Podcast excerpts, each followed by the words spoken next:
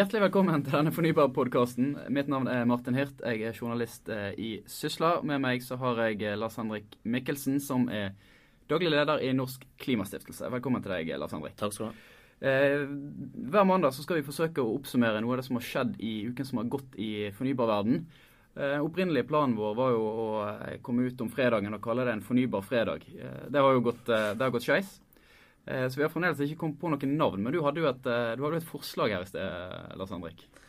Ja, jeg tenkte eh, Podkraft kunne Da har vi jo muligheten til å liksom bli et tysk sånn hardrock-band eh, hvis dette går skikkelig Ja, dårlig. For det, du ser på dette som, som muligheten til å realisere et steg på veien om å bli rockestjerne. Definitivt.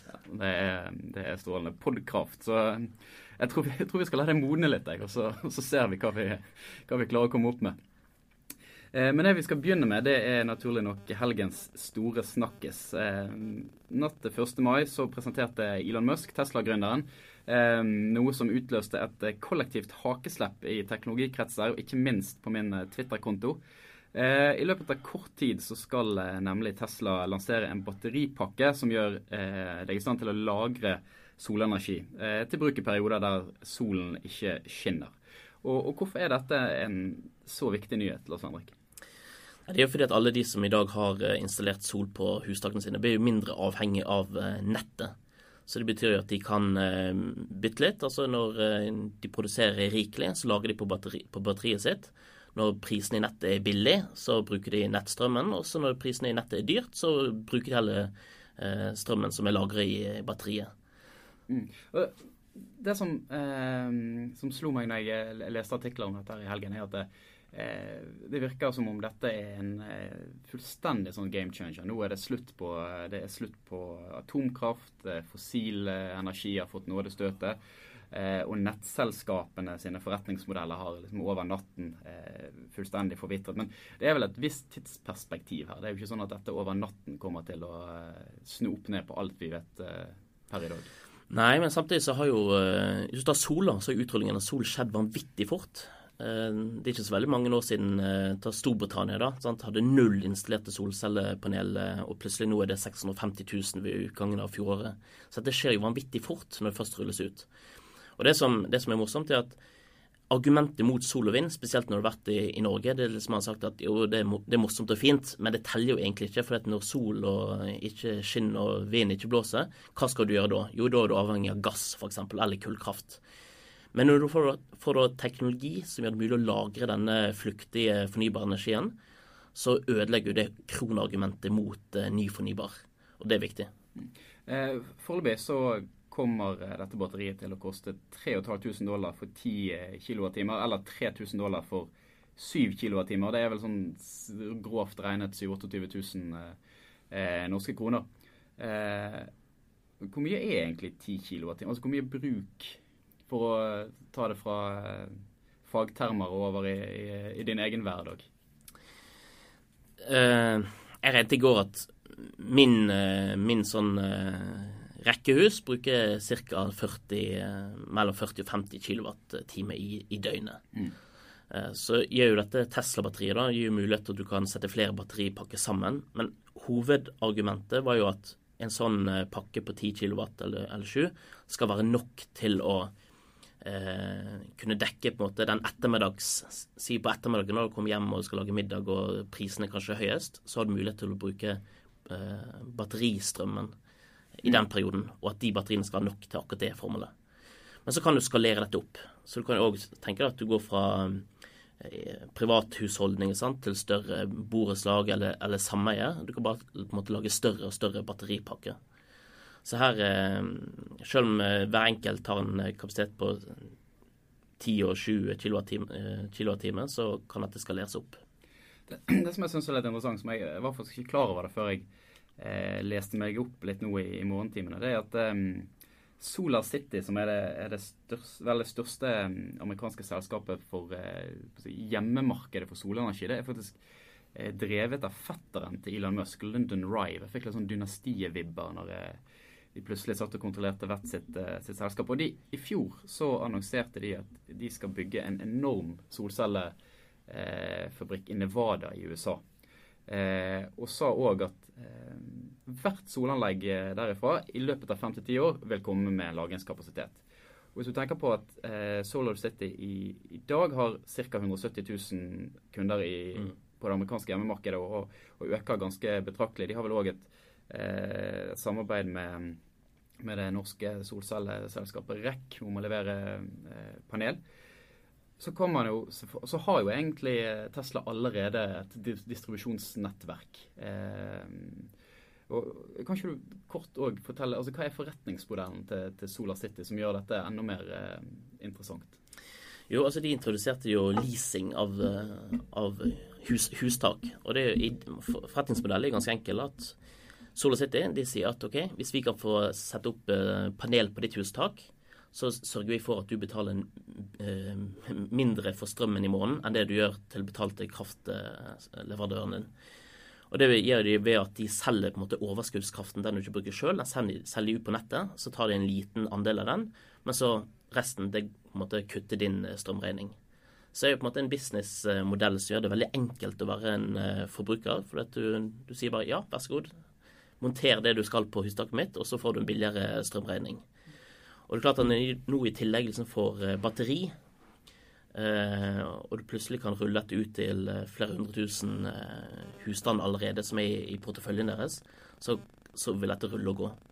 Og California de har jo allerede satt som Det er vel en av de regionene i verden som har satt størst, mest ambisiøse mål på lagring av energi.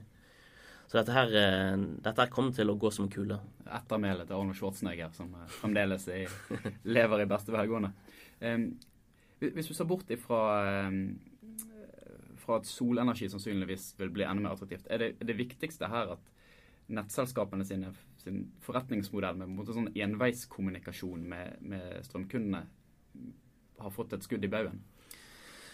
Ja, for dette forsterker jo på en måte den desentraliserte eh, kraftproduksjonen sant? som, eh, som solcelle, solcelleindustrien er en, en, del av. At eh, det Ta solceller i Tyskland, da, så er det ikke de etablerte kraftselskapene som har rullet ut solcellepanel. Men det er jo kooperativ, det er små, og mindre selskap, nye selskap, enkeltpersoner, bønder osv. Så, videre. så du har, du har, snudd opp på, en måte på eierstrukturen. Og når man da i tillegg får batterimuligheter, så gjør det at man kan frikoble seg enda mer fra måte, det sentraliserte strøm, strømnettet. Og For Norge da, så kan du tenke at uh, det Ellen Musk-budskapet hans det samsvarer med det som er veldig mange andre aktører òg sier. At uh, i Europa så sier Norge at uh, jo, men vi har, vi har, gasskraft, vi har vannkraft som kan dekke på en måte behovet når det ikke er vind og, og, og sol. Men hvis du da får batteri så er det plutselig en trussel mot uh, Altså det er en trussel òg som kan være gjeldende for, uh, for Norge som mm. energinasjon. En annen begivenhet eh, denne uken som, som rett nok ikke lagde like store bølger som Elon Musk, men som likevel trendet på Twitter helt fram til Harald Aabrekk fikk sparken i Ålesund, det var fornybarkonferansen i Bergen. Eh, nå var du med å arrangere den, Lars Henrik, så jeg skal ikke spørre deg om, eh, om du er fornøyd og om, og, om, du oppfordrer alle andre til å delta. De sier at Ellen Musk han var Ellen. inspirert av fornybarkonferansen ja. til å komme denne eh, Riktig. Det, det, får du ta på din kappe. Men eh, hva, eh, etter de to dagene, hva syns du var det viktigste som kom ut av den konferansen? Der bl.a. Eh, olje- og energiminister Tord Lien holdt innlegg om energimeldingen. Nei, hvis vi skal fortsette på det vi snakket om i sted, så brukte Ellen Musk 17 minutter på å um, sende sjokkbølge inn i på en måte, fornybar- og teknologiverden med den lanseringen av dette batteripakkene sine. Tord Lien han brukte en halvtime på å formidle ingenting. Altså han um, Etter hans besøk på fornybarkonferansen så er det umulig å vite hva som er hans prosjekt eller regjeringens prosjekt på uh, fornybar energi, bortsett fra at man nå skal komme med en energimelding uh, om et års tid. Og det er jo kanskje litt sånn eh, bilde på hvor Norge står i alt det som skjer globalt. At eh, der ute så er det vanvittig store endringer på gang. Med ny fornybar energi, ny teknologiutvikling, nye aktører. Og i Norge så sitter vi helt i ro og mm. håper på at oljeprisen skal gå opp. Og det eh, Jeg tror man må begynne å ville noe. Være med på den utviklingen som skjer globalt. Nå, nå sa jo rett nok Torlien en del om, om vannkraft. Eh, og, og, åpnet vel altså han sa vel, Det mest konkrete han sa, var vel at tiden for de store vannkraftutbyggingene ikke er forbi. Eh, så sånn sett så, så kommer han jo for så vidt med, med ett eh, budskap. Men eh, ser man en utvikling der man i Norge har eh, vannkraft og eh, man i resten av verden satser på andre energikilder. Da, da tenker jeg ikke at, at vannkraften eh, på noen måte er et problem energimessig, men mer et industrielt perspektiv der Eh, der vannkraften naturlig nok forsyner Norge som man alltid har gjort. Eh, mm. Eller ikke alltid har gjort, men i hvert fall i de, de siste 150 årene. Men der man industrielt sett eh, si, faller utenfor en del av de utviklingstrekkene man ser. Problemet er jo at man har jo veldig masse vannkraft i Norge, og det er jo veldig bra, for den er jo vanvittig fleksibel og den er rimelig, så alt er bra med vannkraften. Problemet er at eh, man i dag ikke har rom for eh, å være med på andre fornybare løp. da fordi at man ser at man trenger ikke ny, man trenger ikke ny kraft inni nettet vårt, for det er rikelig. Men jeg tror at man må begynne å tenke litt industrielt. altså Tenke på enten det er offshore vind eller sol eller hva det måtte være. Så må man tenke på at hvilken andel skal vi ha av den nye energimiksen om 10-20-30-40 år? Hvilken markedsposisjon skal Norge ha? Og da må vi snu oss rundt og være med på de nye tingene som kommer. Vannkraft er bra, men vi trenger å være med på flere ting. Men er flere overføringskabler en del av løsningen for å, å eh, si, bruke vannkraften eh, i enda større grad på et europeisk marked? Ja, det, tror jeg er ett svar. Men det er klart at uh, Europa sitter ikke og venter på at Norge skal bygge flere utenlandskabler. Batteriteknologien I Tyskland er det selskap som sier at hvis vi bare liksom klarer å bygge ut to gigawatt med batterikapasitet, så slipper vi all denne gasskraften og kullkraften, og da, da er vi på en måte selv, selvforsynt. Så det er klart at her er det en teknologiutvikling òg som gjør at uh, Norge ikke kan sitte og ta for gitt at vi kan bare bygge kabler og sende kraft til utlandet i, uh, i, det uendelige.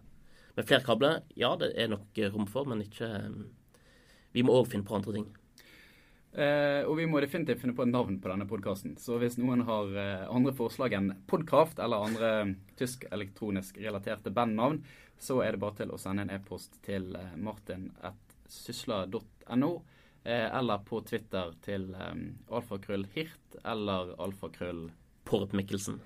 Ja. Eh, takk for i dag.